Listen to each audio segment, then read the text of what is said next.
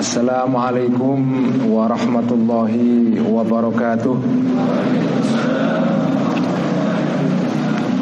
Bismillahirrahmanirrahim Alhamdulillahi rabbil alamin Wassalatu wassalamu ala ashrafil anbiya'i wal mursalin سيدنا وحبيبنا ومولانا وقائدنا محمد وعلى آله وأصحابه ومن تبعهم بإحسان إلى يوم الدين. أما بعد حضرات المحترمين برا كيي برا مشايخ برا طقطق مشاركات وبالخصوص كيي منيب سلاكو صاحب البيت كان كتوى MUI cabang Cakung atau MUI Cakung yang sudah memberikan kesempatan kepada saya untuk memberikan pengajian ikhya di Masjid Nurul Huda kepada Romo Kiai Abdul Salam Ustadz Hasbullah para hadirin ada Bapak Wakapolsek kalau tidak salah. Terima kasih atas kehadirannya Insya Allah pengajian aman karena dikawal oleh Pak Wakapolsek. Uh, Saya malam ini akan ngaji kitab Ihya Meneruskan pengajian mingguan yang saya lakukan setiap malam Jumat. Minggu yang lalu saya ngaji ya di Surabaya di Universitas Nahdlatul Ulama Surabaya Kemudian di pesantren Bahrul Ulum di Tambak Beras di Jombang. Malam ini di Cakung Insya Allah bulan depan saya ngaji ya di Unisma Pak Munib. Di bukan Unisma Malang. Oh Unisma Malang. Di tempatnya Kiai Haji Tolha Hasan. Uh, ya ini muter terus saya mohon doanya dari para hadirin supaya saya diberikan kesehatan dan istiqomah bisa mengampu pengajian Ihya ini. Malam ini saya akan mengaji kitab Ihya pada halaman 914. Semoga sudah menerima semua fotokopinya ya. Uh, karena saya akan ngaji Ihya dengan sistem tradisional yaitu ngaji dengan membaca kitab, kemudian kita baca kata per kata, kemudian nanti kita akan bahas isinya. Nah, saya sudah mulai ngaji ya ini hampir setahun bapak-bapak semua ya. Saya sudah hampir setahun. Saya mulai bulan Ramadan tahun lalu. Uh, saya memang sengaja ngaji ya ini loncat ke Munib. Jadi saya membaca kitab Ihya pada jilid ketiga. Kitab Ihya ini sebagai pengantar ada empat jilid ya. Ada jilid pertama itu mengenai soal ibadah. Kemudian jilid kedua atau ya juz kedua itu mengenai muamalah. Kemudian jilid ketiga dan keempat itu adalah inti dari kitab Ihya yang berisi tasawuf ya atau berisi kitab akhlak Bagian ketiga keempat ini Bagian ketiga itu berbicara mengenai Apa yang oleh Imam Ghazali disebut dengan Al-Muhlikat ya. Yaitu sifat-sifat yang bisa merusak manusia Terutama merusak rohaninya Kemudian pada jilid keempat itu adalah berbicara mengenai obatnya penyakit-penyakit itu yang oleh Imam Ghazali disebut dengan al-munjiat ya atau hal-hal yang bisa menyelamatkan manusia dari penyakit-penyakit hati itu. Nah, saya pada sudah hampir setahun ini membaca baru dapat berapa halaman. Ini ya mungkin baru sekitar 30 halaman. Jadi uh, karena bacanya satu kali pertemuan cuma satu halaman jadi memang agak lama. Saya akan mulai, mari kita mulai kajian Ihya ini dengan menghadiahkan Al-Fatihah kepada muallif dari kitab ini بسم الله الرحمن الرحيم إلى روح نبينا وشفينا محمد صلى الله عليه وسلم وإلى أرواح الأنبياء والمرسلين وإلى أرواح الأولياء والشهداء والصالحين وإلى أرواح أموات المؤلفين والمسلفين والعلماء الصالحين خصوصا مؤلف هذا الكتاب حجة الإسلام أبا حامد الغزالي قدس الله سره ونور ضريحه وعاد علينا من بركاته ونفعنا بعلومه وإلى أرواح أموات المسلمين والمسلمات والمؤمنين والمؤمنات you. خصوصا أرواح آبائنا وأجدادنا وجدادنا ومشايخنا وأساتذتنا وخصوصا إلى أرواح مؤسسي بلدنا الحبيب أندونيسيا وإلى مؤسسي الجمعيات الإسلامية الموجودة في بلدنا إندونيسيا. شيء لله لهم الفاتحة. أعوذ بالله من الشيطان الرجيم. بسم الله الرحمن الرحيم. الحمد لله رب العالمين. الرحمن الرحيم. مالك يوم الدين. إياك نعبد وإياك نستعين. أجمعين. اهدنا الصراط المستقيم صراط الذين أنعمت عليهم غير المغضوب عليهم ولا الضالين. آمين. بسم الله الرحمن الرحيم. الحمد لله رب العالمين والصلاة والسلام على أشرف الأنبياء والمرسلين سيدنا مولانا محمد وعلى آله وأصحابه أجمعين. أما بعد فقال المؤلف رحمه الله تعالى ونفعنا به وبعلمه في الدارين. آمين. رب يسر وأعين. Saya akan baca kitab Ihya pada halaman 914 pada paragraf pertama. Wa min abwabihi su'udzanni bil muslimin. Wa min abwabihi dan salah satu pintu-pintu masuknya syaitan untuk merusak manusia su'udzanni adalah berburuk sangka. Ya fil muslimina terhadap orang-orang Islam salah satu pintu masuknya syaitan atau madakhilus syaitan ya karena bagian kitab Ihya yang kita baca pada malam hari ini itu memang berbicara mengenai pintu-pintu masuk syaitan untuk merusak rohani manusia. Nah ini pintu terakhir yang diterangkan oleh Al-Ghazali adalah Salah satu pintu masuk syaitan merusak manusia adalah suudon ya. Kita berburuk sangka terhadap orang-orang Islam itu adalah penyakit ya, penyakit yang bisa merusak kita. Selain penyakit-penyakit yang sudah disebutkan sebelumnya oleh Al-Ghazali Misalnya sebelumnya beliau menerangkan bahwa salah satu pintu masuknya syaitan itu Sebelum ini beliau menjelaskan Pintu masuk syaitan merusak manusia itu adalah orang sibuk mengurusi perbedaan madhab. Ya. Apa yang disebut oleh Al Ghazali sebagai al ikhtilafat ya. Perbedaan-perbedaan kita sibuk mengurusi perbedaan-perbedaan terutama ini berbahaya bagi orang-orang awam yang tidak punya pengetahuan ya. ada perbedaan pendapat di antara para ulama Al-Ghazali menyarankan kalau ada perbedaan antara ulama satu dengan yang lain, orang yang tidak punya pengetahuan sebaiknya tidak tidak boleh ikut-ikutan. Karena begitu kita ikut-ikutan berpendapat mengenai masalah yang menjadi perbedaan pendapat antara para ulama, itu bisa pertama bisa merusak kehidupan dan kedua bisa menyibukkan orang-orang awam dengan hal-hal yang kurang perlu untuk kehidupan sehari-harinya. Al-Ghazali mengatakan bahwa orang awam itu sebaiknya adalah kalau ada perbedaan semacam ini sebaiknya tidak ikut-ikutan. Ya. Sebaiknya diam saja. Karena belum tentu kalau dia ingin memberikan pendapat di situ itu akan menyelesaikan masalah, justru akan menimbulkan memperburuk masalah.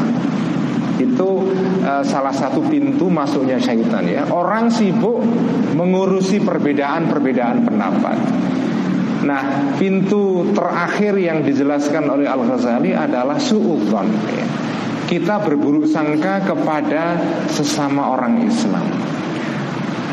Nah ini diterangkan oleh Al-Ghazali Kenapa itu di, dilarang oleh agama Islam oleh Allah Dan kenapa itu menjadi pintu masuk syaitan Karena Salah satu dalilnya adalah ayat berikut ini. Qala Allah Ta'ala Berfirman Allah Ta'ala Ya ayyuhalladzina amanu Iztanibu kathiran minadzan Wahai orang-orang beriman Istanibu jauhilah Kathiran banyak minadzanni uh, Dari sangkaan, dari asumsi ya, dari persepsi yang tidak didukung oleh evidence, oleh bukti nyata. Itu namanya azan. Karena inna ba'dadhanni sesungguhnya sebagian asumsi uh, sangkaan tidak semua sebagian ithmun adalah pekerjaan dosa, perbuatan dosa. Nah, Al-Ghazali menerangkan kenapa orang itu dilarang untuk suudzon terhadap sesama muslim. Faman karena barang siapa Yahkumu menghakimi ya Orang tadi itu Bisharin dengan uh, Penghakiman yang buruk. Kalau ada punya Kalau ada seseorang menghakimi secara negatif Kepada orang lain Ala ghairihi terhadap Orang selain man atau orang tadi itu Bidhoni dengan cara berburuk sangka Kalau ada orang melakukan hal seperti itu Ba'atha Jawabnya is, uh, syarat man yahkumu ba'atha ya. Maka akan mendorong hu terhadap man atau orang tadi itu asyaitonu syaitan didorong untuk apa ala an yatula atau ala an yutawila bisa dibaca dua cara ala an yatula atau ala an yutawila untuk memperpanjang orang tadi itu fihi mengenai orang lain ghairihi alisana terhadap mulutnya terhadap lidahnya ya. Diperpanjang memperpanjang lidah bil ghibati dengan apa? Bil ghibati dengan apa bahasa Betawinya itu ya? Uh, ngerumpiin apa ya? Rerasan kalau bahasa Jawanya itu Pak Kimunif ya. Uh, ya ngerumpiin atau membicarakan keburukan orang bil ghibati dengan ghibah Wa kullu dzalika dan semua hal tadi itu minal muhlikati termasuk hal-hal yang merusak rohani manusia. Jadi biasanya ini kata Al-Ghazali kenapa suudzon itu bisa menjadi pintu masuknya syaitan ya untuk merusak manusia karena biasanya begitu orang itu punya asumsi buruk mengenai orang lain, mengenai temannya, maka itu adalah jalan terbaik syaitan setelah kita punya asumsi buruk sangka kepada orang lain itu langsung dijadikan jalan oleh syaitan untuk mendorong kita membicarakan kejelekan-kejelekan orang itu. Oh saya loncat satu baris tadi ya. Jadi orang kalau sudah punya buruk sangka terhadap orang lain maka lidahnya menjadi panjang. Ya, lidahnya menjadi panjang ngomongin orang itu dengan kejelekan begitu dia melakukan itu fayahlika maka jadi rusaklah orang tersebut ya kalau sudah melakukan hal itu dia akan rusak jiwanya karena akan hatinya akan dikotori oleh bulu sangka. Au yukasiro atau dia menjadi uh, teledor. Orang tadi itu fil di dalam melaksanakan bihukukihi terhadap hak-haknya orang tadi itu, orang lain tadi itu, ghairihi tadi itu au yatawana atau menjadi kendor fi ikramihi di dalam menghormati ghairihi atau orang lain tadi itu. Jadi begitu kita sudah punya buruk sangka kepada orang lain, biasanya kita akan mengabaikan hak-haknya orang itu, ya. Kita akan menyepelekan orang tersebut atau kita menjadi yatawana fi ikramihi. Apa yatawana itu? Kita menjadi kendor. Kita menjadi malas untuk menghormati orang itu. Begitu kita cuek ya. Yatawana itu bahasa cuek itu bagus itu. Jadi kita menjadi EGP apa ya? Nah, emang gue pikirin. Ya kira-kira gitulah. Menjadi cuek kepada orang tersebut. Begitu kita punya asumsi buruk kepada pintu masuknya syaitan Wayang zuro atau kalau tidak tidak melakukan hal-hal tadi itu, kalau orang sudah punya asumsi buruk kepada orang lain, ada kalanya dia menjadi abai atau menjadi tidak menghormati orang tersebut ya. Atau wayan zuro atau melihat orang tadi itu ilaihi kepada orang lain tadi ghairihi biainil ikhtiqari dengan mata mengejek nyinyir kalau bahasa sekarang itu ya. Biainil ikhtiqari dengan mata nyinyir. Wayaro dan melihat orang tersebut Nafsahu terhadap dirinya orang tersebut Khairon sebagai lebih baik Minhu terhadap Ghairihi atau orang lain itu. Orang kalau sudah seudon Itu kemungkinan besar Orang itu akan melihat look down. Apa? Meremehkan ya look down dia melihat orang lain itu dengan meremehkan dengan mata yang merendahkan orang itu dan juga melihat dirinya sebagai lebih baik daripada orang yang disuudhoni itu. Itulah akibat akibat akibat dari suudhon yang bisa merusak kita. Jadi suudhon ini pintu. Setelah pintu ini kita masuki, itu kita akan menjalankan hal-hal lain yang sifatnya negatif ya. Karena itu itu disebut sebagai pintunya syaitan. Wa kullu dan semua hal-hal tadi itu minal muhlikati termasuk hal-hal yang bisa merusak. Ya, istilah yang dipakai oleh Al Ghazali di sini al muhlikat. Al muhlikat ini adalah uh, tema utama dari uh, kitab Ihya Ulumuddin jilid ketiga ini. Ini ini jilid ketiga ini tebalnya sekian. Kitab Ihya empat jilid dan masing-masing jilid juga tebalnya hampir rata-rata segini. Ya. Jadi uh, ini kitab Ihya jilid ketiga itu temanya adalah al-muhlikat hal-hal yang merusak rohani manusia. Wali ajli dhalika dan karena hal tersebut tadi itu karena suudon itu bisa menjadi pintu masuknya syaitan, mana mencegah asyar agama, ya, minat ta'arudi dari apa? Ta'arudi itu dari uh, dekat-dekat atau nyerempet-nyerempet ya. Minat ta'arudi dari nyerempet-nyerempet lituhami terhadap dugaan-dugaan. Terhadap uh, sangkaan-sangkaan. Jadi karena suudon itu pintu masuk yang bisa membawa kita kepada hal-hal negatif yang banyak sekali. Karena itu agama Nabi Muhammad Shallallahu Alaihi Wasallam itu memerintahkan kita untuk menjauhi tindakan-tindakan atau tempat-tempat yang bisa menimbulkan suudzon kepada kita. Ya. Harus dihindari itu. Bahkan Nabi sendiri itu pernah mengalami satu peristiwa yang ini diceritakan oleh Al-Ghazali dalam keterangan berikut ini. Al-Ghazali itu pernah mengalami satu peristiwa yang bisa menimbulkan suudzon di antara para sahabatnya.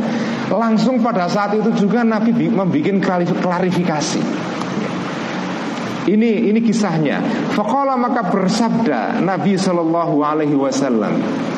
Nabi bersabda, Ittaku mawadi'at Tuhan Ittaku menjaga dirilah kalian mawadhi'at tuhami terhadap tempat-tempat timbulnya suudzon atau asumsi buruk.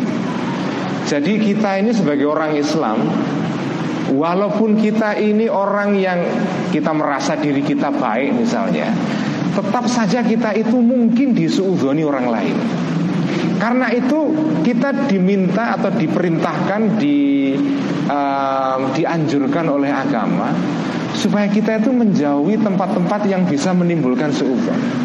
Ya. ya, pokoknya apa-apa apa pun yang bisa menimbulkan suudzon itu harus dijaga. Ya, bisa jadi kita misalnya jalan dengan istri kita di tempat umum bersama istri ya Orang mengira itu orang lain, ya, mengira istri yang kita ajak jalan-jalan itu orang lain misalnya. Ya, misalnya dianggap itu selingkuhan kita atau pacar kita atau apa padahal istri kita. Karena itu kalau kita berada di sebuah tempat yang kira-kira di situ orang-orangnya itu punya kecenderungan bisa mensuudhoni kita kalau kita berjalan bersama perempuan lain walaupun itu istri kita. Jangan lakukan itu. Walaupun itu istri kita. Kan kita nggak mungkin jalan sama istri sambil bawa buku nikah begini kan? Mana mungkin itu? Kan nggak bisa. Masa kita jalan sama istri bawa bawa buku akta nikah?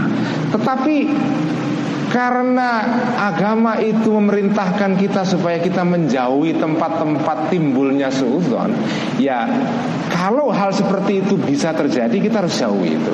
Supaya memutus mata rantai asumsi buruk atau suudon yang bisa timbul di antara masyarakat kepada kita. Nah ini ceritanya uh, hatta ikhtaraza. Ini ini ceritanya Nabi melakukan apa ya tindakan untuk memutus suudzon itu.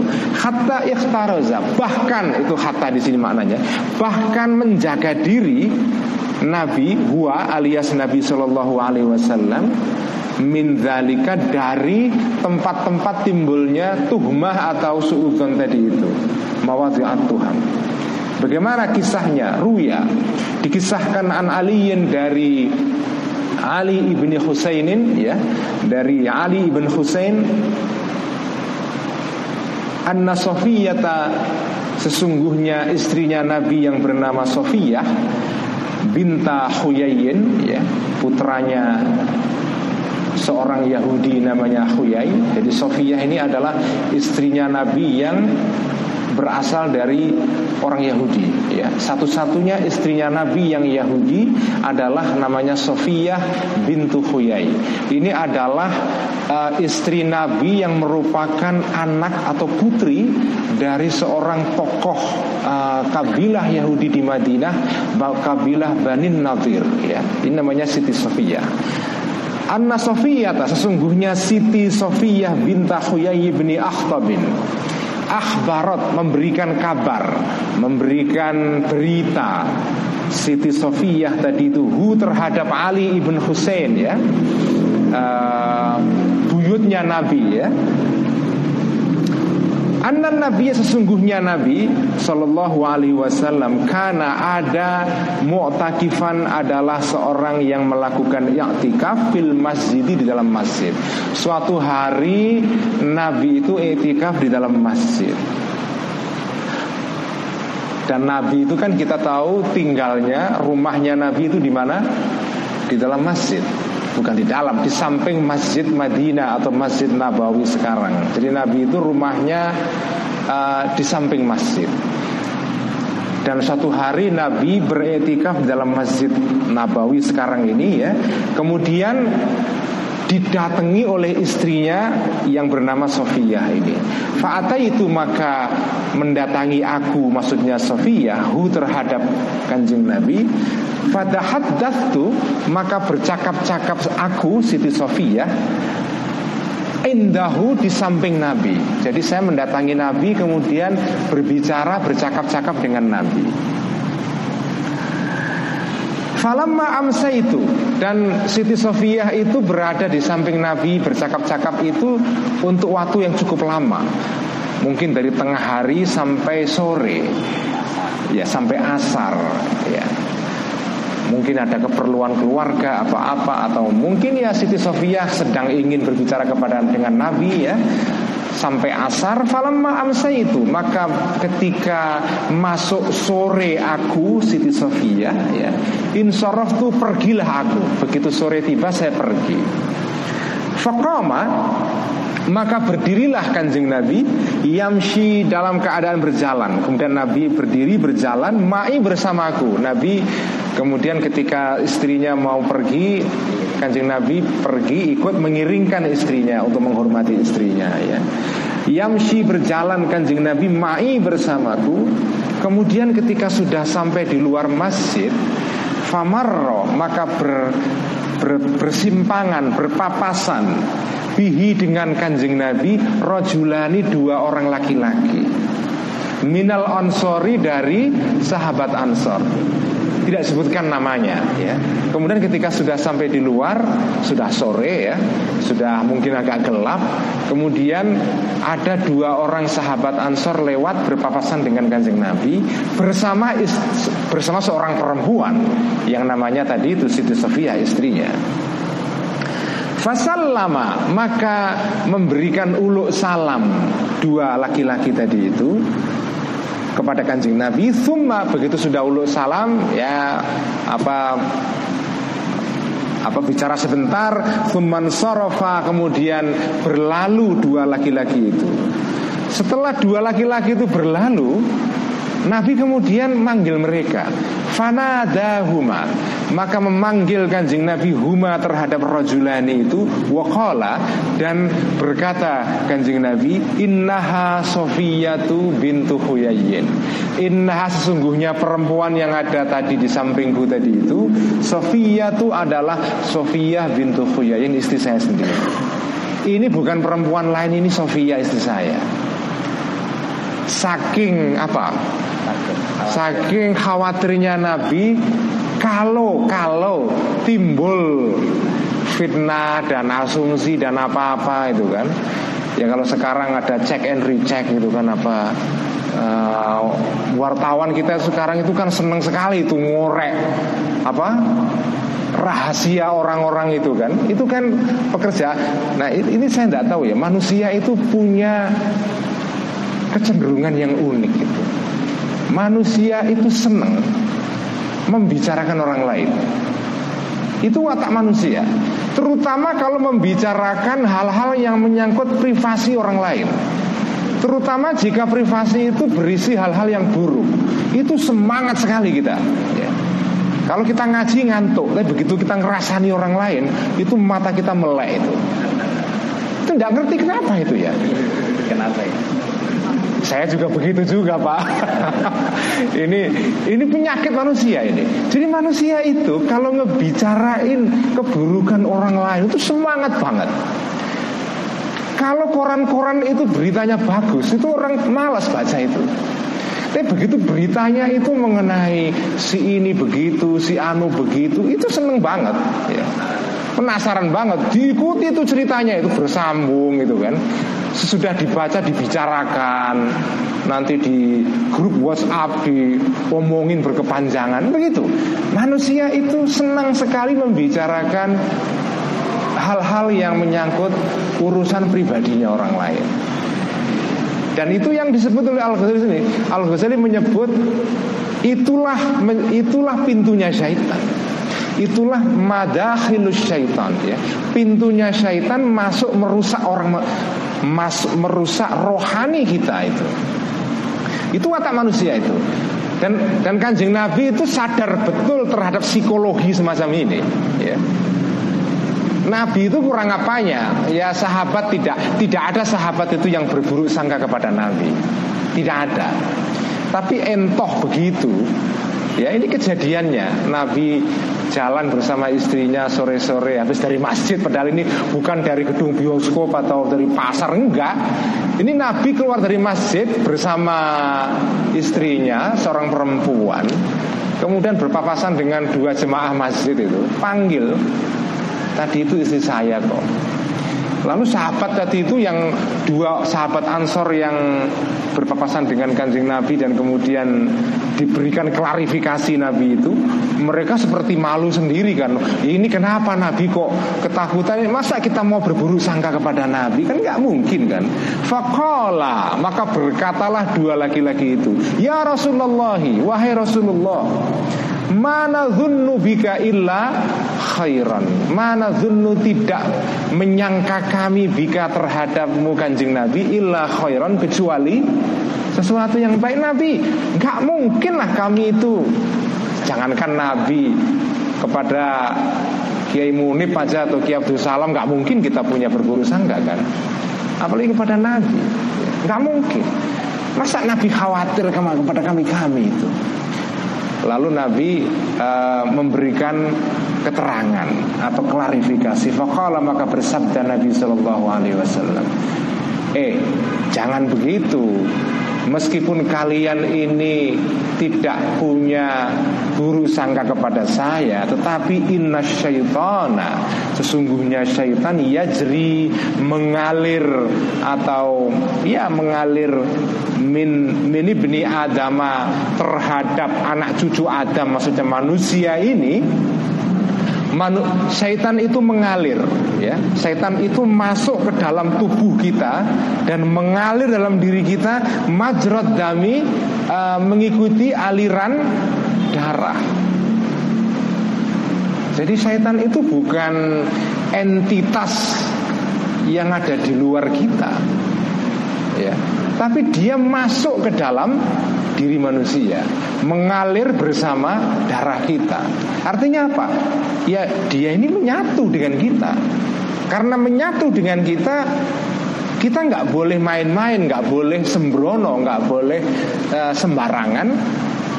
Termasuk tadi itu urusan suudzon. Memang saya tahu kalian tidak saya kaji Nabi maksudnya Saya tahu kalian tidak akan suudzon kepada saya tapi syaitan ini ada dalam diri kalian seperti darah. Ya. Jadi inna syaitana sesungguhnya syaitan yajri mengalir mini beni Adam terhadap anak cucu Adam majrad dami seperti aliran darah minal jasadi dari tubuh kita Wa ini dan sesungguhnya aku kanjeng Nabi khosyitu khawatir aku an yadkhula untuk masuk syaitan ini alaikuma terhadap kalian berdua. Saya saya khawatir saja syaitan ini berhasil masuk kepada kalian berdua dan mungkin Nabi bersabda seperti ini mungkin saya menduga ini setelah kejadian yang disebut dengan hadithul ifki ya ada cerita kan itu tentang namanya hadithul ifki atau uh, berita bohong. Ya, hoax kalau bahasa sekarang ya. Ada berita bohong tentang Siti Aisyah istrinya kanjeng Nabi ketika Nabi pernah pulang dari sebuah peperangan kemudian istirahat di sebuah tempat di padang pasir kemudian Siti Aisyah uh, terpisah dari rombongan ini karena sedang uh, melaksanakan hajatnya Qodaul hajat di agak menjauh.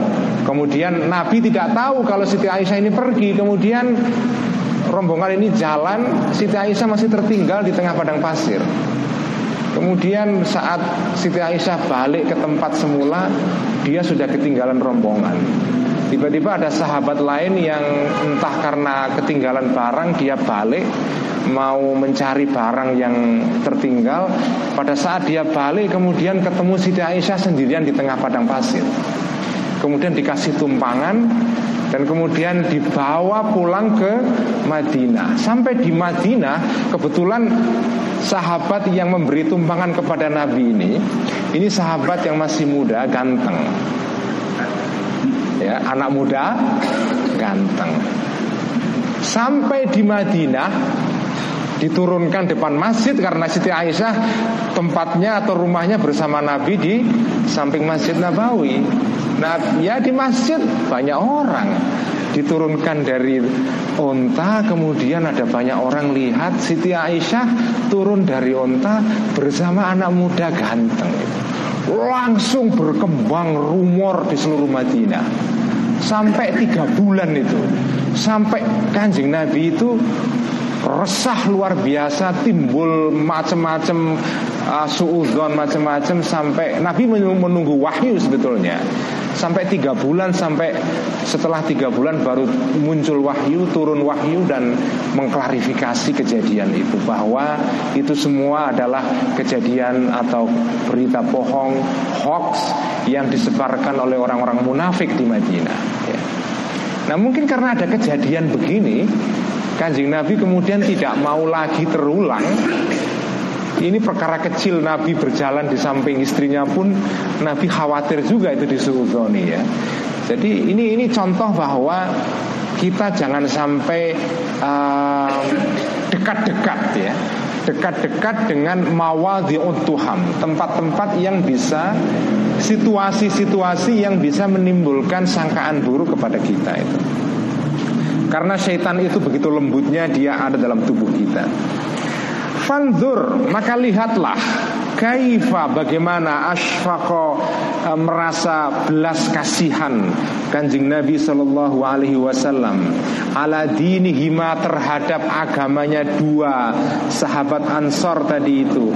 Faharosa maka menjaga Nabi huma terhadap dua orang Ansor tadi. Jadi kenapa Nabi melakukan hal tadi itu? Mengklarifikasi seperti itu Selamat datang Kiai Sodri Ketemu lagi Uh, jadi karena kanjeng Nabi ini khawatir, kasihan kepada orang ini seandainya orang-orang ini kemudian jatuh menjadi korban terhadap syakwasangka atau buruk sangkanya dia. Ya. Khawatir itu terjadi maka itu diputus dengan cara memberikan keterangan dan klarifikasi itu. Wa kaifa dan bagaimana asfaqo uh, kasihan atau ya belas kasihan kanjeng Nabi ala ummati terhadap umatnya kanjeng Nabi. Fa'allama maka memberikan pengajaran kanjeng Nabi hum terhadap umatnya. Tariqal ikhtirazi terhadap jalan bagaimana menjaga diri minat tuhmati dari sangkaan buruk jadi inilah adabnya atau tata krama, tata cara, SOP-nya ya, standar operation prosedurnya orang-orang kalau kita sedang berada di tempat yang kemungkinan bisa menimbulkan buruk sangka kepada kita. SOP-nya begitu, kasih keterangan. Berikan press conference. Kalau bahasa sekarang begitu ya. Berikan press conference, jelaskan duduk soalnya, jangan sampai buruk sangka itu berkembang liar menjadi api yang kemudian nggak terkontrol itu. Ya kalau bahasa sekarang ini ya control damage ya, apa damage control? Ya, damage control. Apa itu? Menjaga mengontrol kerusakan yang terjadi kalau ada suudzon hatta layatasahala sehingga tidak apa uh, tidak hatta layatasahala sehingga tidak sembrono atau sembarangan. Al alimu seorang alim al wari'u yang warok yang menjaga diri dari hal-hal yang tidak pantas ya yang warok itu artinya bukan sekedar menjaga dari hal-hal yang haram tetapi juga hal-hal yang makruh ya jadi warok itu lebih tinggi dari sekedar apa takwa karena kalau takwa itu definisinya adalah melaksanakan segala perintah Allah dan menjauhi larangan. Itu takwa. Itu level yang pertama. Level setelah takwa itu adalah al-wara. Wara itu tidak sekedar hanya menjauhi barang haram. Kalau menjauhi barang haram semua orang melakukan. Itu levelnya orang awam. Levelnya pemimpin itu bukan takwa. Levelnya apa? Waro. Waro itu adalah tidak sekedar menjaga diri dari barang haram tapi menjaga hal-hal yang bahkan makruh saja ya. Makruh itu kan kalau kita laksanakan nggak dosa tapi buat orang-orang yang levelnya itu bukan awam Sesuatu yang makruh Itu posisinya sama dengan yang haram. Karena itu Para ahli tasawuf itu Mereka punya apa semacam kata mutiara ya. Hasanatul abror sayyatul muqarrabin hasanatul abror sayyatul muqarrabin sesuatu yang untuk standarnya orang al-abror, orang-orang yang baik-baik itu adalah sesuatu yang hasanah, yang baik. Tapi buat orang-orang yang wali-wali Allah yang dekat dengan Allah al-muqarrabin itu jelek. Bagi kita-kita yang abror ini ada hal-hal itu yang kita kerjakan udah bagus banget, udah jempol ya. Kalau di Facebook bisa dikasih like begini. Tapi kalau untuk para wali-wali Allah yang mukorrobin itu bukan baik, itu masih rendah itu. Ya, jadi masing-masing orang itu punya level. Jadi takwa itu level yang paling dasar. Setelah takwa level berikutnya adalah al-waro. Nah, orang yang waro ini itu diperintahkan oleh agama untuk menjaga mawadhi'ut tuham. Karena itu dulu Kiai Munif kalau kita ngaji di pondok di pesantren Jawa dulu itu bahkan kiai itu nggak berani itu makan di pasar itu. Nggak ada. Itu. Nongkrong apa di angkringan gitu nggak ada itu. Buka peci begini itu itu sudah dianggap merusak namanya warok itu. Ya jadi nggak bisa. Jadi untuk ukuran kiai itu levelnya beda. Kalau untuk orang awam itu takwa, tapi pada level kiai itu wara itu. Levelnya para wali lebih-lebih lagi. Mereka punya tingkatan yang lebih tinggi.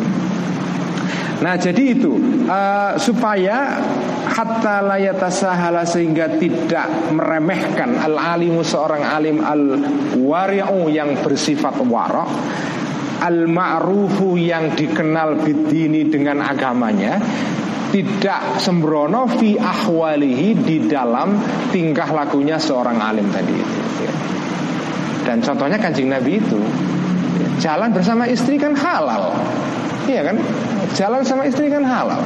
Cuma jalan sama istri itu bisa juga menimbulkan uh, suudzon dari orang lain.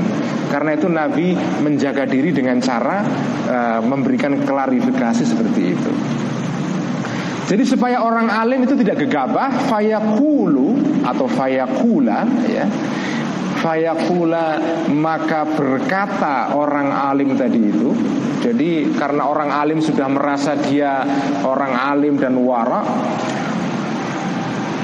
dia bisa saja berkata mithli la yuzannu bihi illal khairu Mithli orang sepertiku ini la yuzannu tidak disangkakan bihi terhadap orang sepertiku illal khairu kecuali kebaikan.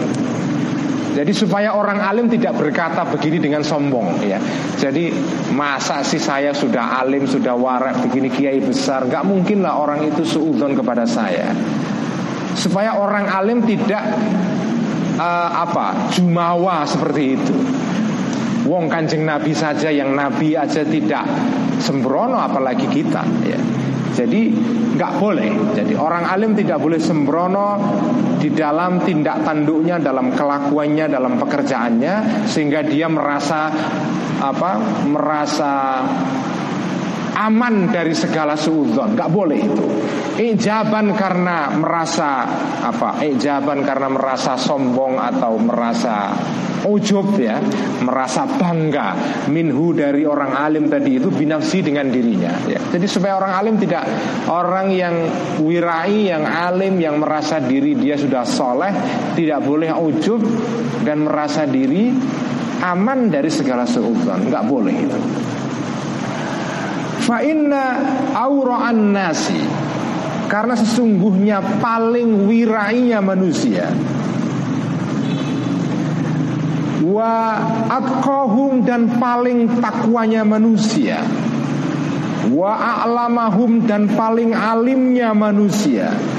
Layan zuru tidak melihat an-nasu manusia kulluhum semua Ilaihi terhadap tadi itu orang paling warok, paling takwa, paling alim ainin dengan mata wahidatin yang satu.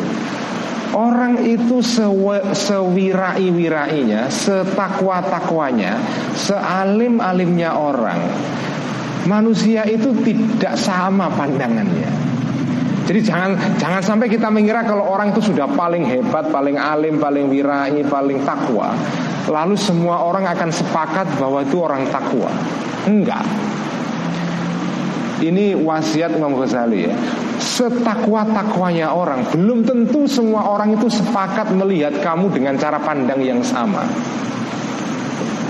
Karena itu kan Nabi sendiri merasa Tidak aman juga dari suudzon Jadi bayangkan Nabi sendiri aja tidak merasa aman dari suudzon itu Ya tentu saja ini dari apa ya Menunjukkan tawaduknya kanjeng Nabi. Tentu saja Nabi percaya sahabatnya tidak ada suudzon Tetapi Nabi ingin memberikan pengajaran kepada umatnya Bahwa saya saja yang Nabi itu tidak aman dari suudzon Apalagi kalian-kalian yang bedes-bedes begini ini nggak bakalan aman pasti itu Nabi saja nggak aman apalagi kita itu.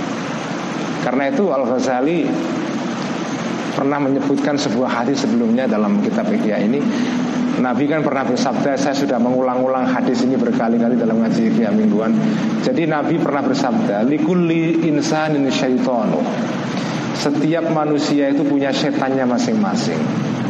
Sahabat bertanya Apakah Nabi juga punya syaitan? Saya, saya juga punya Saya yang Nabi ini ada Ada setan dalam diri saya Cuma bedanya kalau setan dalam diri saya itu sudah ditundukkan, sudah dijinakkan.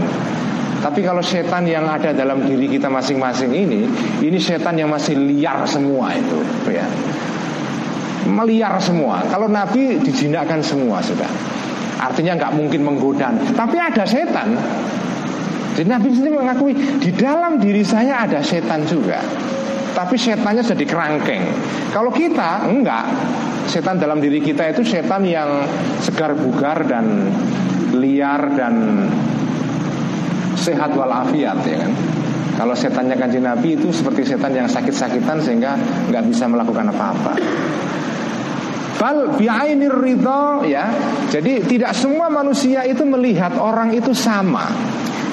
Tetapi ada bal bi'ainir ridho melainkan dengan mata suka.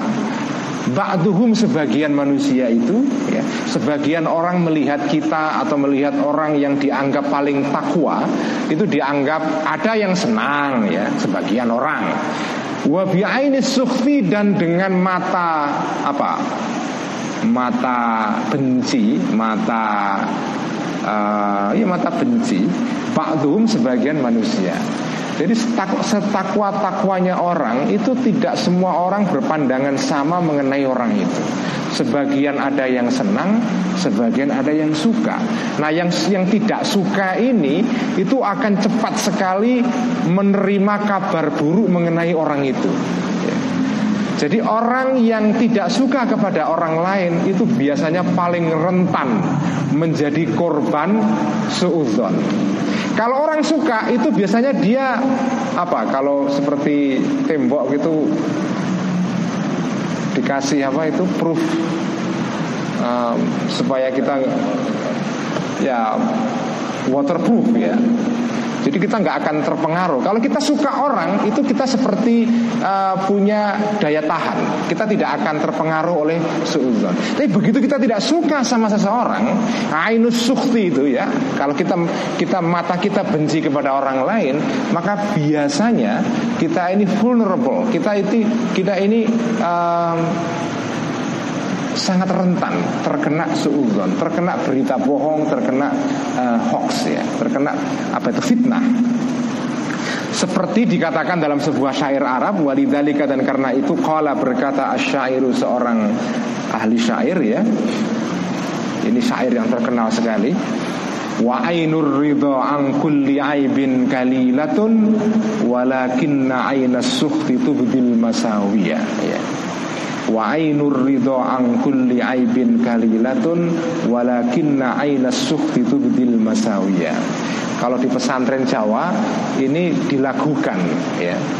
Eh, ini baharnya bahasa Arab itu di dalam tradisi sastra Arab itu ada namanya bahar. Bahar itu artinya adalah setiap syair itu punya ketukan-ketukan tertentu yang bisa menjadi lagu. Nah, di dalam syair Arab jahiliyah pra-Islam itu ada 16 bahar, ada 16 lagu atau 16 nada. Nah, 16 nada. Ini nada yang dipakai dalam syair ini itu namanya bahar towil.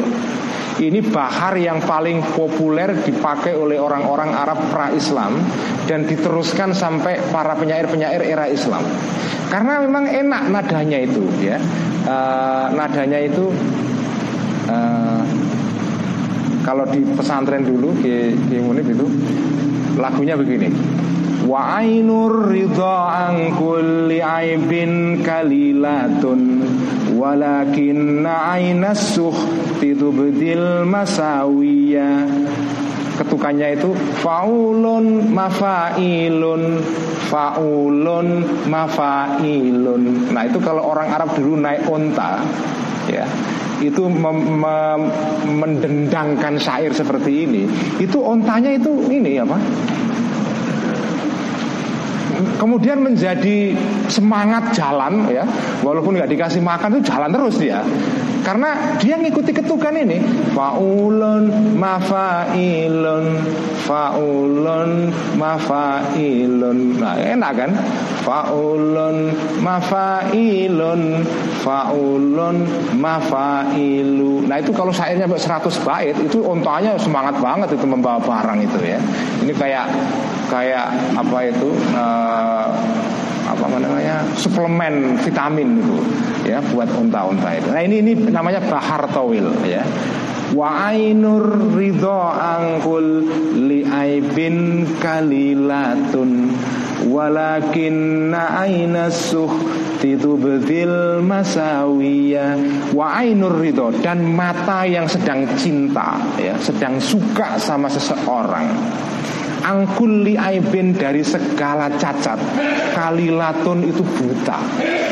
Kalau orang sudah cinta kepada orang lain segala cacat itu hilang semua ini di satu pihak. Tapi di pihak lain walakinna aina sukhti tubdil masawiya. Walakinna aina sukhti tetapi mata yang membenci orang lain tubdi memperlihatkan mata itu al masawiya terhadap apa? Kejelekan-kejelekan. Ya. kalau kita sudah benci sama orang lain ya sudah yang baik bisa menjadi jelek, apalagi yang jelek menjadi lebih jelek sekali. Itulah ini ini menurut saya apa ya pepatah atau kata mutiara dalam bahasa Arab yang yang keren sekali ya. Wa ainur ridho an kulli aibin kalilatun kama anna aina sukhti itu bidil masawiyah. Inilah yang menjelaskan kenapa kita diperintahkan oleh agama, oleh kanjeng Nabi supaya ittaku mawadhi'at tuham. Kita itu harus menjaga diri, jangan dekat-dekat dengan tempat-tempat yang bisa menimbulkan suudzon atau tuhmah, sangkaan buruk dari orang lain. Dan jangan sampai ada orang yang merasa aman ya. Karena syaitan itu ada dalam tubuh kita, mengalir dalam diri kita seperti darah itu. Itulah yang disebut dengan madakhilus syaitan itu. Saya teruskan sedikit ke yang Rasulullah ya. Fayajibu maka wajib al ikhtirazu untuk menjaga diri. An su'i dari prasangka buruk wa antuh matil ashrori dan dari asumsi buruknya orang-orang jahat. Orang-orang yang ya orang jahat ya. Jadi kita diwajibkan untuk menjaga diri dari suudonnya orang lain terutama orang-orang lain yang punya hati yang jahat al ashror fa innal ashror. Ini ini psikologinya al ghazali ini ya. Di sini kita berbicara mengenai psikologi manusia ala kitab Yahya. Fa'innal ashroro Karena sesungguhnya orang-orang yang jahat Orang-orang yang brengsek Itu bak, paling tepat bahasa Indonesia-nya ini terjemahannya Fa'innal ashroro Karena sesungguhnya orang-orang yang brengsek Laya gununa tidak menyangka orang-orang asyar tadi itu binasi terhadap orang lain manusia kullihim semuanya illa syarra kecuali jelek. Orang itu kalau hatinya brengsek itu melihat orang lain itu jelek semua.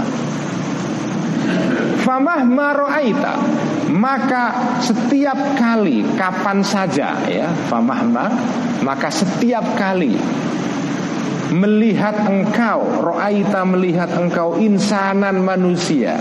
Yusiu yang berburuk sang yang memburukkan adzonna terhadap sangkaannya binasi terhadap orang lain Toliban dalam keadaan mencari-cari Lil uyubi terhadap cacat-cacat orang lain itu Fa'lam.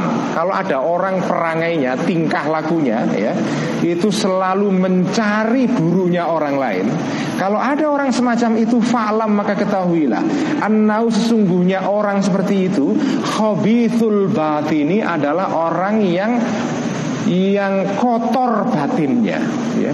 Khabithul batini orang yang najis dalemannya. Bukan daleman apa celana dalam bukan ini ya. Daleman hati daleman jiwa maksudnya Wa anna dzalika dan sesungguhnya buruk sangkanya tadi itu khubthuhu adalah kotorannya orang itu. Ya syahu yang muncrat-muncrat minhu dari batinnya dia. Kalau ada orang kok perangainya mencari keburukan orang lain terus-menerus, maka ketahuilah orang seperti itu itu adalah batinnya, jiwanya, rohaninya itu isinya adalah hal-hal yang jahat, yang buruk dan buruk sangkanya itu seperti air percikan. Ya, itu seperti air yang memercik dari batinnya orang itu. Wa inna maro'a ya. Ini mungkin buat yang tidak mengenal tradisi pesantren ya. Kalau Pak Kiai Munik sudah tahu di Jawa itu kalau kita ngaji di pesantren itu memang caranya begini Pak Wakapolsek ya. Jadi kita baca itu kata per kata. Kita kata kata per kata begini, ini kata Al-Ghazali, "Falaisa fil adami sifatun madhmumatun illa wahiyya silahus syaitan." Falaisa maka tidak ada fil adami di dalam anak cucu Adam sifatun sifat madhmumatun yang tercela. Tidak ada satu sifat apa pun yang tercela pada manusia illa wahia kecuali sifat tercela tadi itu silahus syaitoni menjadi apa? senjatanya syaitan wa madkhalun dan menjadi pintu masuk min madakhilihi dari pintu-pintu masuknya syaitan. Pokoknya intinya adalah setiap ada watak-watak, sifat-sifat, kecenderungan-kecenderungan yang jahat, yang buruk pada diri manusia, maka itu semua akan menjadi pintu masuknya syaitan. Dan sifat-sifat jahat itu ya enggak enggak terbatas jumlahnya ya. Dan yang tahu juga hanya kita masing-masing. Jadi intinya kesimpulan ngaji pada malam hari ini yang pertama jauhi suudzon dan jauhi tempat-tempat yang bisa menjerumuskan kita kepada suudzon itu penting sekali ya. Jangan sampai kita ini berbuat sesuatu walaupun halal. Ini ingat-ingat ya. Walaupun sesuatu itu halal, tetapi kalau bisa menimbulkan suudzon, sebaiknya juga dihindari.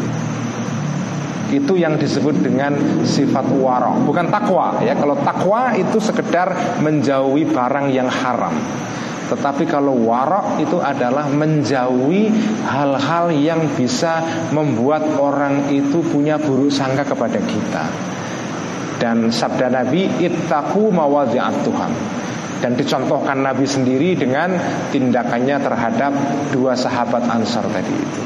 Jadi kesimpulannya itu. Jadi jangan sampai kita sembrono atau menganggap remeh suudzon itu. Karena suudzon itu menjadi awal mula dari kekacauan sosial. Tadi itu cerita tentang hadithul ifki itu sudah pernah pada zaman Nabi ya. Berita bohong, fitnah itu sudah pernah terjadi pada zaman Nabi. Dan selama tiga bulan tadi saya ceritakan Masyarakat Madinah itu pernah mengalami ketegangan sosial. Curiga satu sama lain itu. Sampai pernah Sampai Siti Aisyah itu pulang ke orang tuanya Abu Bakar. Pulang pulang ke orang tuanya dan bahkan Sayyidina Umar sudah apa Sayyidina Umar ini kan orangnya temperamental ya.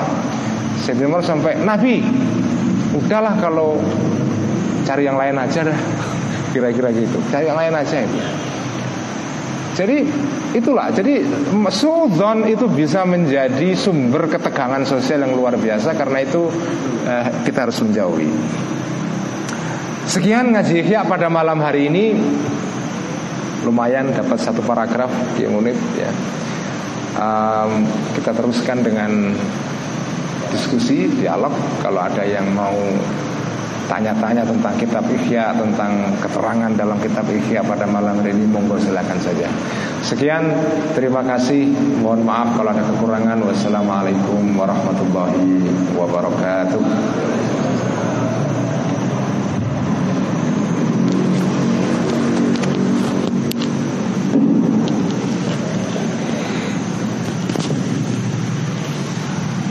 Ya, para hadirin sekalian, banyak sekali petikan-petikan pelajaran.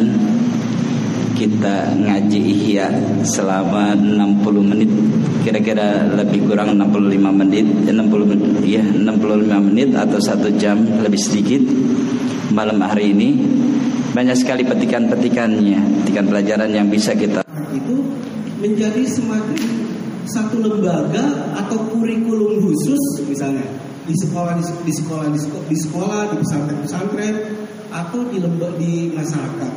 Karena kalau cara penanganannya seperti ini, saya merasa tidak efektif, Gus ya. Bayangkan kalau dulu orang ngomong Formula satu itu paling orang-orang kaya. Sekarang tukang somai itu dia bisa bicara tentang uh, sepak bola Chelsea dan seterusnya dan seterusnya. Nah penanganannya ini sekali lagi apakah Majelis Ulama sudah memikirkan membentuk satu lembaga yang lebih efektif untuk menangkal hoax yang karena memang teknologi itu sudah berada di tangan siapa pun.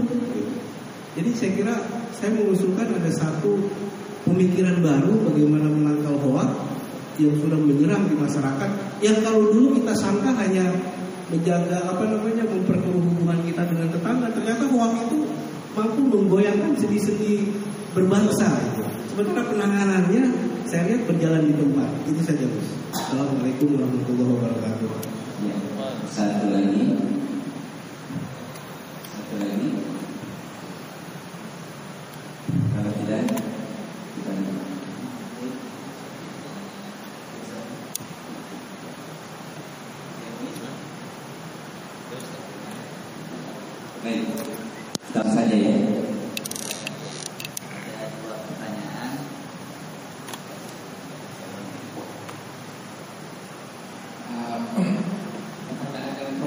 Ini menurut saya menarik.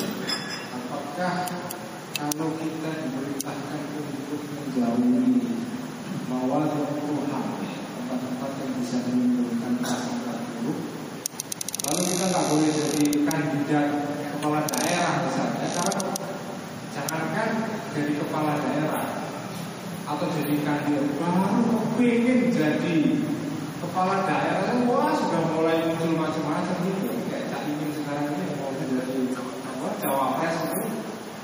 belum cawapres baru pengen ya kan? Jadi cawapres itu kan sudah macam-macam itu sangkaan-sangkaan.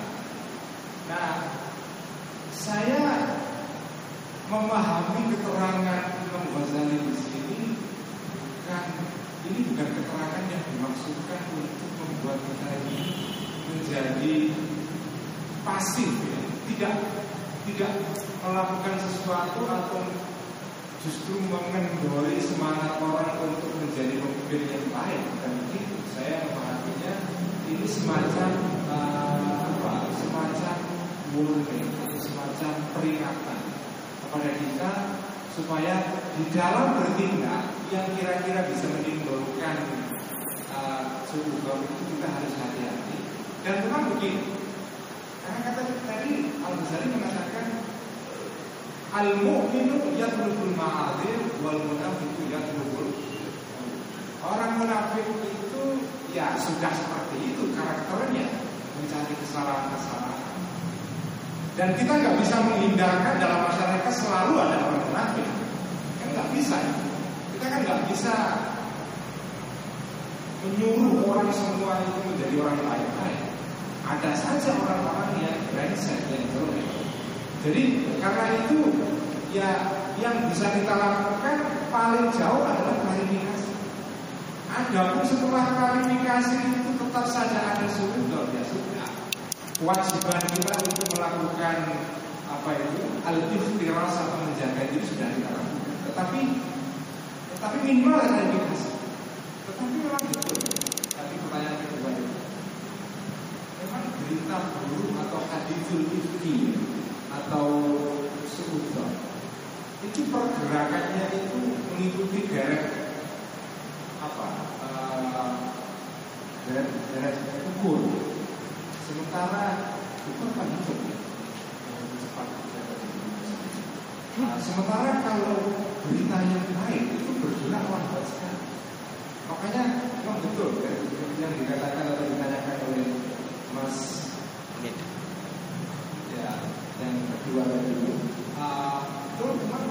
klarifikasi tabayun itu pun tidak akan bisa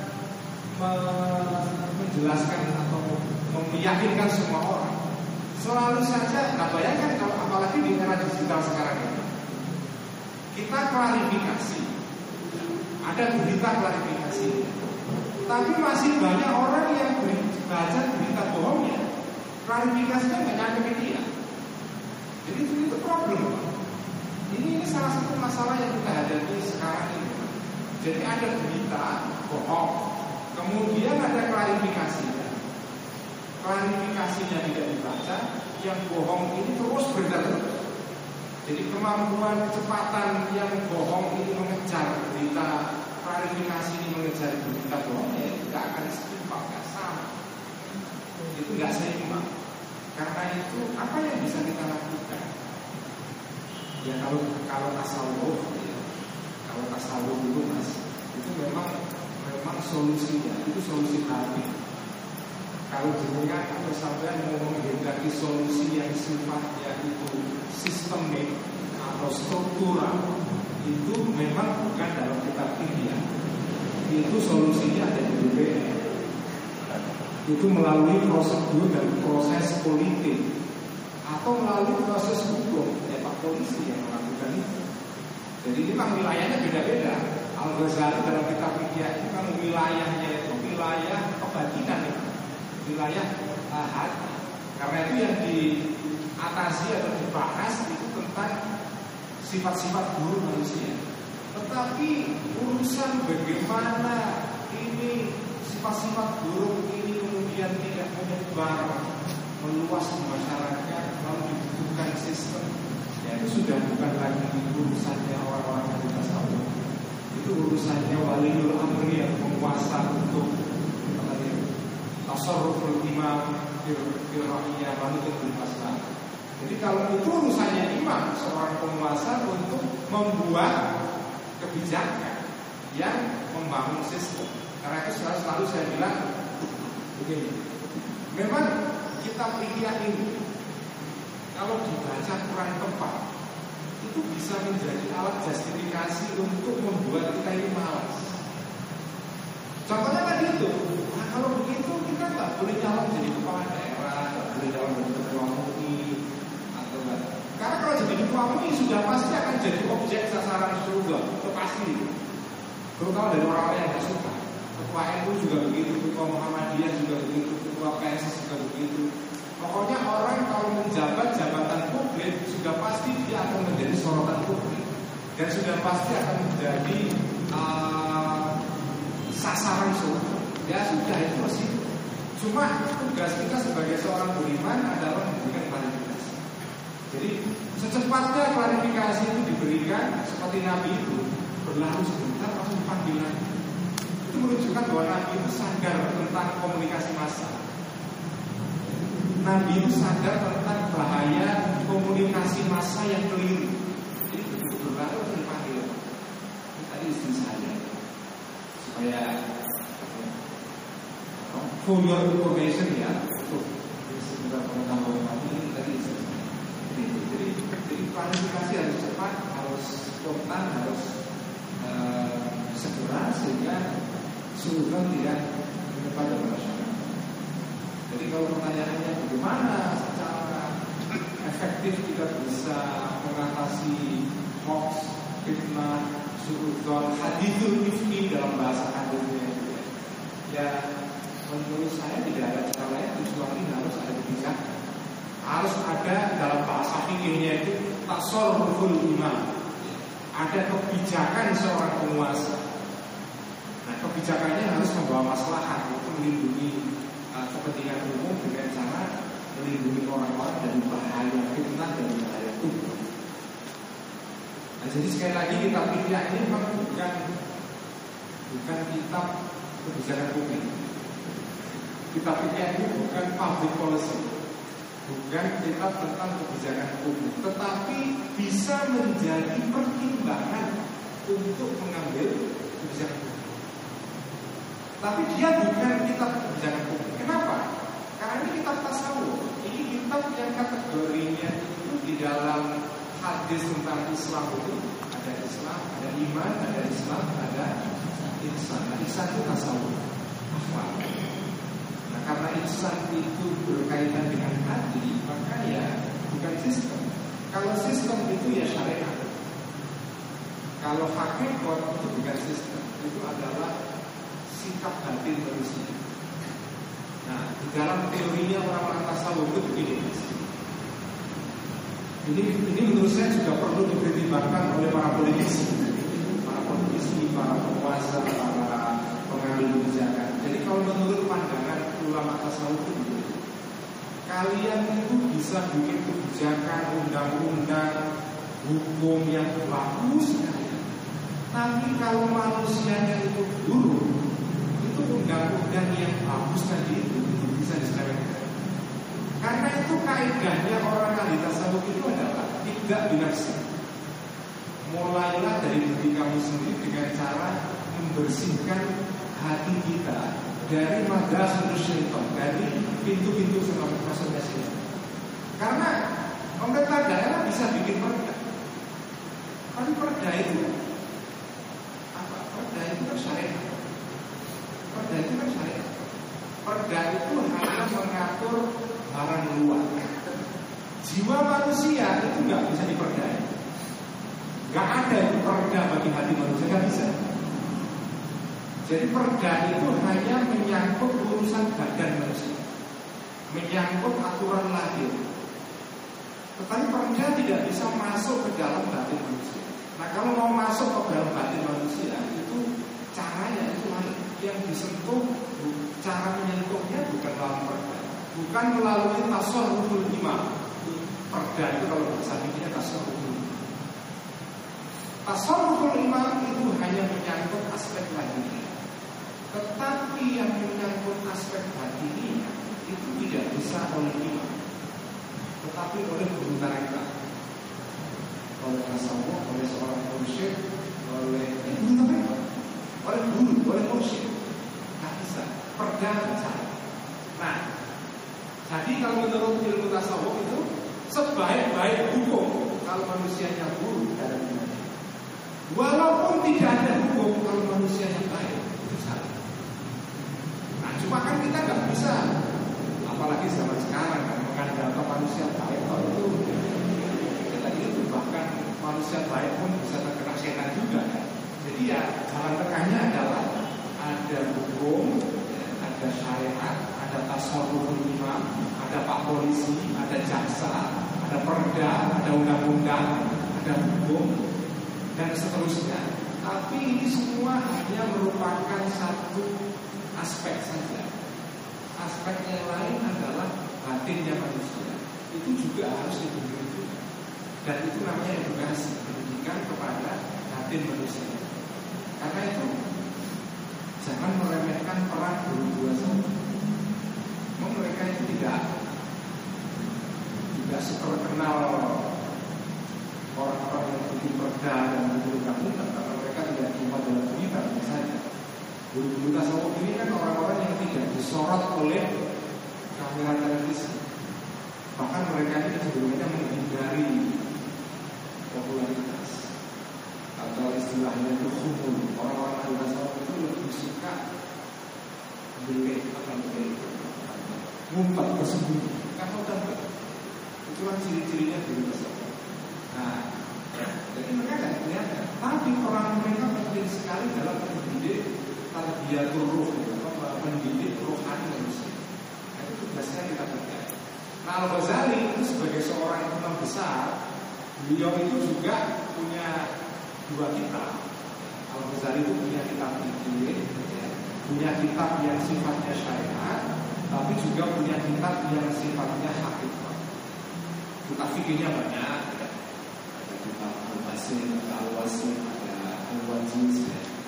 Ada kitabnya yang bersifat korektor dan kitab Jadi ya dua-duanya kita perlukan karena di dalam ajaran sunni orang tidak bisa menempuh ilmu hakikat tanpa syariat. Nah, ya sama dengan kita nggak bisa nggak bisa punya jiwa tanpa ada tubuh ini menjadi tempatnya jiwa kita ini beroperasi bergerak bekerja. Jadi kalau nggak ada syariat itu nggak bisa, nggak bisa bekerja juga. Kalau nggak ada hukum nggak bisa juga. Jadi tapi hukum toh tidak cukup, harus ada aspek profilnya. Nah itulah pentingnya kita pikir sebagai panduan bagi uh, orang Islam uh, supaya mereka bisa mencari kebahagiaan di dalam kehidupan kita.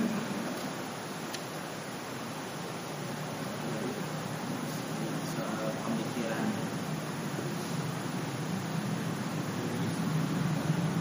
pertanyaan yang kedua Yang pertama tadi Ini kan sudah ada. sudah sinyalnya nggak ada. Monggo kalau ada yang mau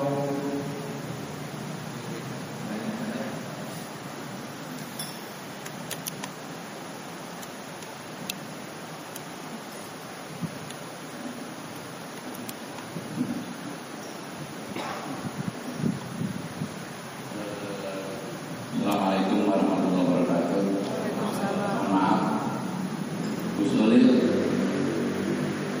Sekali-kali memang kalau di Indonesia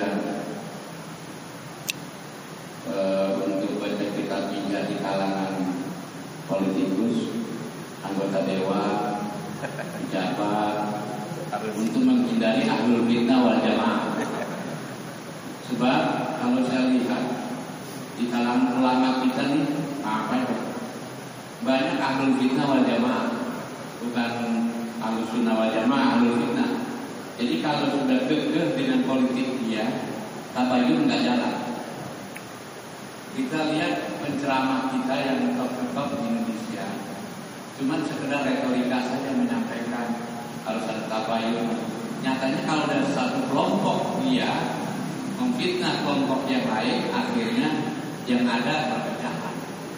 Di sinilah kadang-kadang kalau udah perpecahan politik sampai di bawah mati nggak bisa nggak bisa sembuh.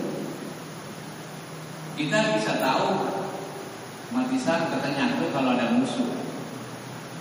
Oke lah nyatu, tapi nyatunya itu juga nyatu dengan kekuatan politik.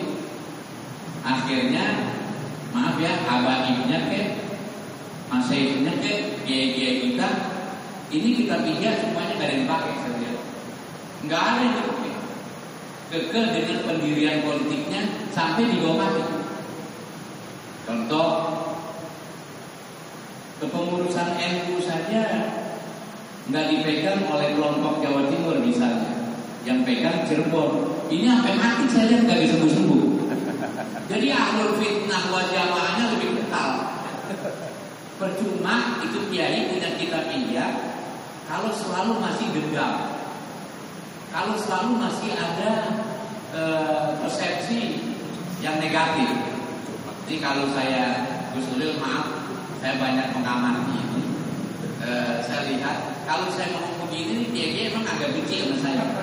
Ah, soal ini kayak Betawi yang paling sombong, konyol. Dulu almarhum saya tahu Habib Syekh Al Jufri paling terkenal sebagai orator. Tapi yang lain banyak kelemahannya. Kalau saya tuntut, kalau saya tegur dia gak terima ke saya. Dibilang saya kayak Betawi sombong, yang kalau ceramah sering nyinggung ulama dan habaib. Nah saya bilang, walaupun habaib ulama kalau biar ucapannya nggak nggak cocok gitu dengan kita kita di masyarakat, tetap aja kita nggak menerima. Nah makanya maaf ya di kalangan ahlul fitnah ini kalau mengumumkan satu politik nggak bakal Tuhan terima saya lihat. Nggak terkabul. Dia yang sorbannya melipet-lipeti kepala saya lihat kelompok kalah kalah aja. Akhirnya dendam terus. Apalagi ini menjelang tadi apa disampaikan oleh Ustaz Sofyan memang sekarang ini ke depan kayaknya gejolak ulama lagi diadu kekuatan. Kalau tadi Gus Nuril bilang, ini kan waro ini di atas takwa sebetulnya. Ya untuk mencapai orang kita katakan yang waro jarang ada. Banyak kan waronya pakai hamzah bukan pakai air. Sekian terima kasih. Assalamualaikum warahmatullahi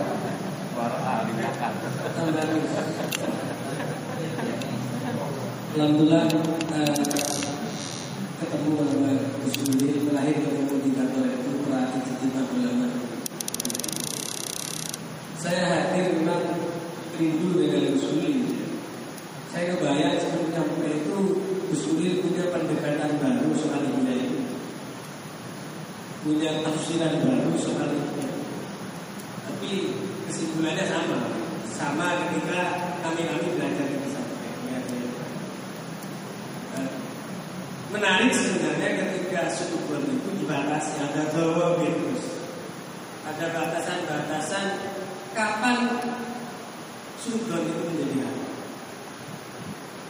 dan kapan menjadi boleh bahkan menjadi wajib ada fatwa bukan fatwa tapi semacam tulisan ulama. Tapi justru menjadi rujukan teman-teman kamar sebelah salah ini itu saya al Beliau memberikan satu bahwa yang mungkin bukan kita boleh kita jadikan mindset kita di Indonesia ini bahwa ada kalanya sudut itu adalah boleh bahkan wajib salah satunya yang dicontohkan itu kalau yang haram itu sudut kepada orang kafir. Yang wajib itu sudut kepada orang kafir itu wajib menurut syariat Islam yang boleh itu kepada ahli fujur orang yang memang nyata-nyata dia sebenarnya maling ketika mendekat motor orang itu wajib kita sudut nah ini mungkin bisa menjadi pendekatan barunya ikhyan pada malam. Atau menjadi sesuatu yang wajib lagi. Ketika ada dua kelompok yang berpotensi saling benturan sementara kita mau menjadi semacam apa ya dalam tanda kutip jurdal maka itu boleh memberikan satu praduga-praduga yang salah saya kira begitulah kaitannya dengan penanya pertama dalam konteks biasa nggak bisa jujur-jujuran apalagi dikaitkan dengan politik sudah pasti nggak bisa jujur-jujuran jadi ada kalanya memang sukut itu menjadi haram bahkan tapi bisa jadi boleh bahkan menjadi wajib sukut inilah sebenarnya yang mungkin menjadi daya tarik uh, kajian ikhya malam ini gitu. ada sesuatu yang baru untuk diberikan kepada kaum ini itu catatan saya nomor dua uh, saya sepakat bahwa ketika pemaknaan anwar atau sukudor dan lebih khusus itu seperti jenengan jelaskan sepertinya kita kembali kepada sesuatu yang kita tidak bisa berkutik saya pertanyaan yang saya tanyakan apa benar pandangan Al-Ghazali itu selalu menemukan dimensinya?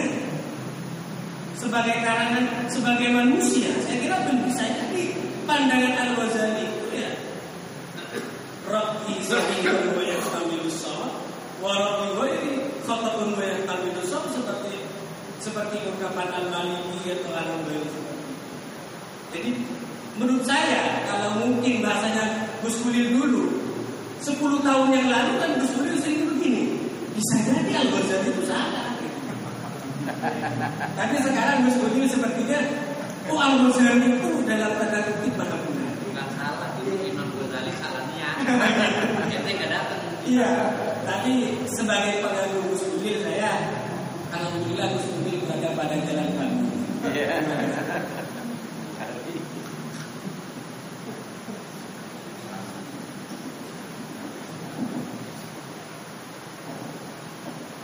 Uh, terima kasih catatan dari Ustaz Aris ya bagus sekali.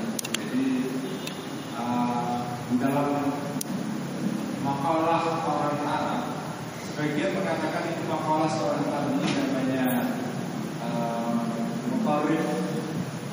Abdullah ya. Dikatakan bahwa bukan saja sukugon itu dilarang tapi kadang-kadang memang juga diharuskan.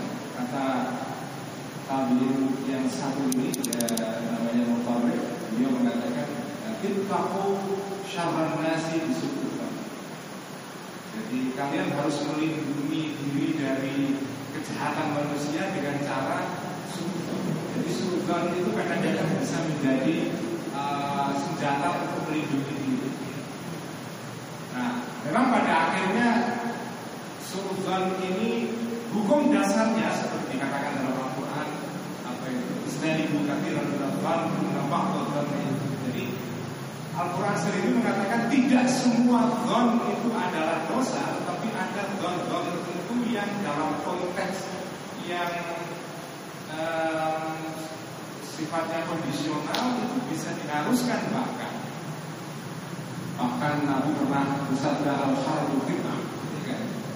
orang itu adalah tipuan semua isi dan karena politik itu adalah semacam perang dalam situasi damai maka Asia satu juga fitnah atau politik, uh, politik isinya tipuan ya memang betul ya dalam realitasnya politik itu isinya tipuan-tipuan dan karena itu kita harus hati-hati. Harus ufon kepada pihak lain. Tetapi uh, realitas ini bukan realitas yang seharusnya terjadi. Yang seharusnya terjadi adalah ya politik itu politik yang uh, membawa kebaikan. Tetapi karena karena watak politik yang seperti tidak sedikit receh. Itu sebabnya kenapa ahlu sunnah wal jamaah bukan ahlu sunnah wal jamaah itu. Ahlu sunnah wal jamaah itu posisinya adalah ini salah satu doktrin penting dalam ahlu sunnah wal jamaah. Uh, ketika terjadi perbedaan politik antara para sahabat, apa sikap ahlu sunnah wal jamaah? Ini bisa menjadi panduan kita bersikap hari-hari ini. Sikapnya ahli sunnah jamaah yang dicerminkan melalui seorang figur namanya Umar bin Abdul Aziz ya. Uh, sikapnya adalah menjauhi diri dari perbedaan yang menimbulkan polarisasi. Di satu pihak ada orang yang pro Sayyidina sampai memaki-maki sahabat lain yang tidak pro Sayyidina lalu di pihak lain ada orang-orang yang mendukung Sayyidina uh, Sufyan bin uh, Muawiyah dalam Sufyan ya. yang kemudian saking dia cintanya atau mendukungnya Muawiyah dengan Sufyan dia mengkritik semua hanya mengkritik memaki-maki sahabat yang mendukung Sufyan nah ini kan nggak sehat. Nah itu sekarang yang kita hadapi. Politik yang menimbulkan polarisasi seperti ini. Nah sikap wal jamaah ketika solusinya adalah ini solusinya bagi saya bisa jadi semacam kayak panduan ya. Meskipun panduan itu mungkin harus disesuaikan dengan kondisi sekarang. Posisi sunnah wal jamaah adalah mengatakan sahabat sahabat-sahabat Nabi itu semua adalah orang-orang baik, orang-orang yang adil. Tidak pro kepada Sayyidina Ali secara fanatik ataupun tidak pro kepada Sayyidina Muawiyah dengan di tengah-tengah. Nah, memang posisi ahli sunnah wal jamaah yang di tengah-tengah seperti ini itu kadang-kadang menjengkelkan bagi orang-orang yang ingin nyari hubungan.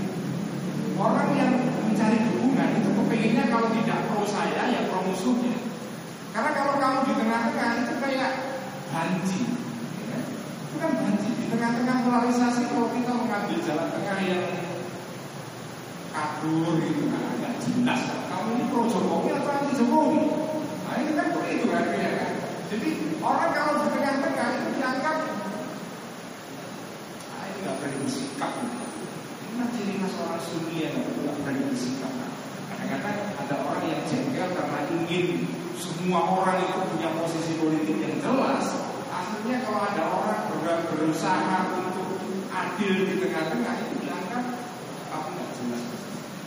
Jadi uh, ya saya setuju bahwa sebuah ini memang uh, situasional, tapi tapi hukum dasarnya sebuah itu adalah pekerjaan yang jelek, sesuatu yang tidak baik karena itu harus dihindari.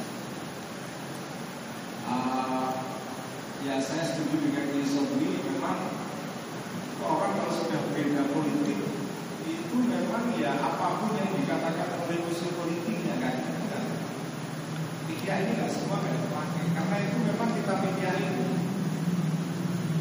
bagi orang yang sedang berpikir dalam politik ini kita kalau dibaca itu menyakitkan hati. Benar ini kita menyakitkan hati karena isinya hanya nyindir-nyindir kita aja. Makanya saya selalu bilang baca kitab fikih itu kadang-kadang memang menyakitkan karena kita disindir terus.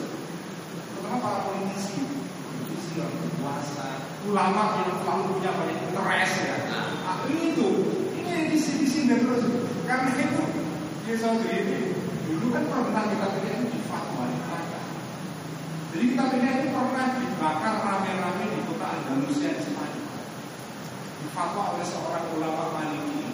Kopi itu apa kopi kepala di Andalusia ketika itu di Hakim memfatwa kitab ilmiah ini kitab yang melenceng dan harus dibakar dan dibakar rame-rame di tempat itu. Ya karena isinya memang ini apa ya minder-minder itu. Ada orang-orang yang nggak suka dengan kitab ini karena isinya banyak apa itu membuat orang tersinggung.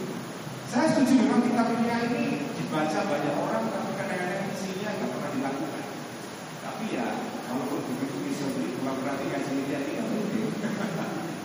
Ya kita tetap perlu ngaji ilmiah minimal kalaupun kita nggak bisa melaksanakan apa ya 100% ya ya 10% kalau kita masih bisa melaksanakan isinya isinya bagus. Jadi minimal ada kontrol. Jadi saya selalu beri mengatakan gini kitab ilmiah ini bukan ditulis oleh Imam Ghazali dengan tujuan. Membuat orang kemudian menjadi pasif menarik diri dari lingkungan masyarakat kemudian menjadi orang yang menjauh dari masyarakat tidak terlibat.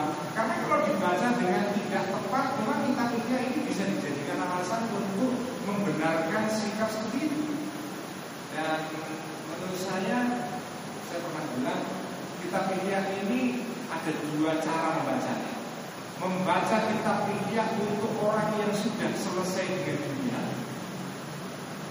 orang yang sudah pensiun yang sudah selesai lah pokoknya sudah namanya menempuh karir yang paling tinggi dalam hidupnya sudah mandi toratu kalau dalam tidak bisa Jawa.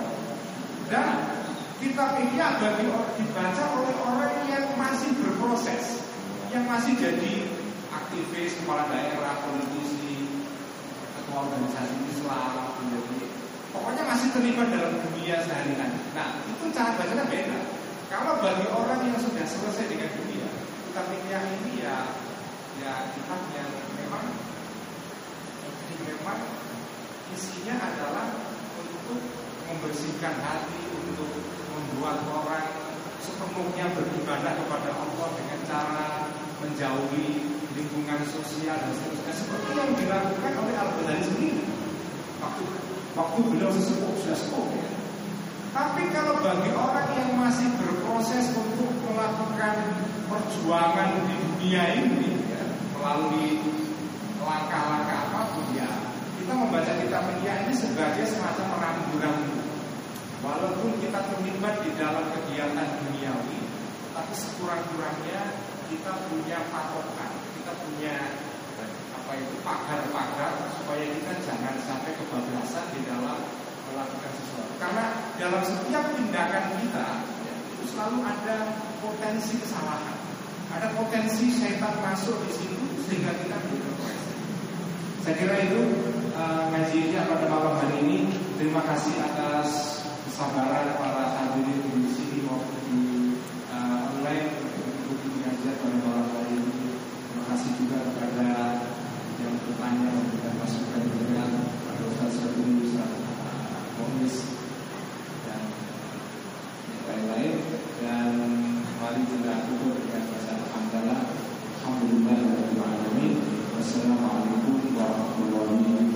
warahmatullahi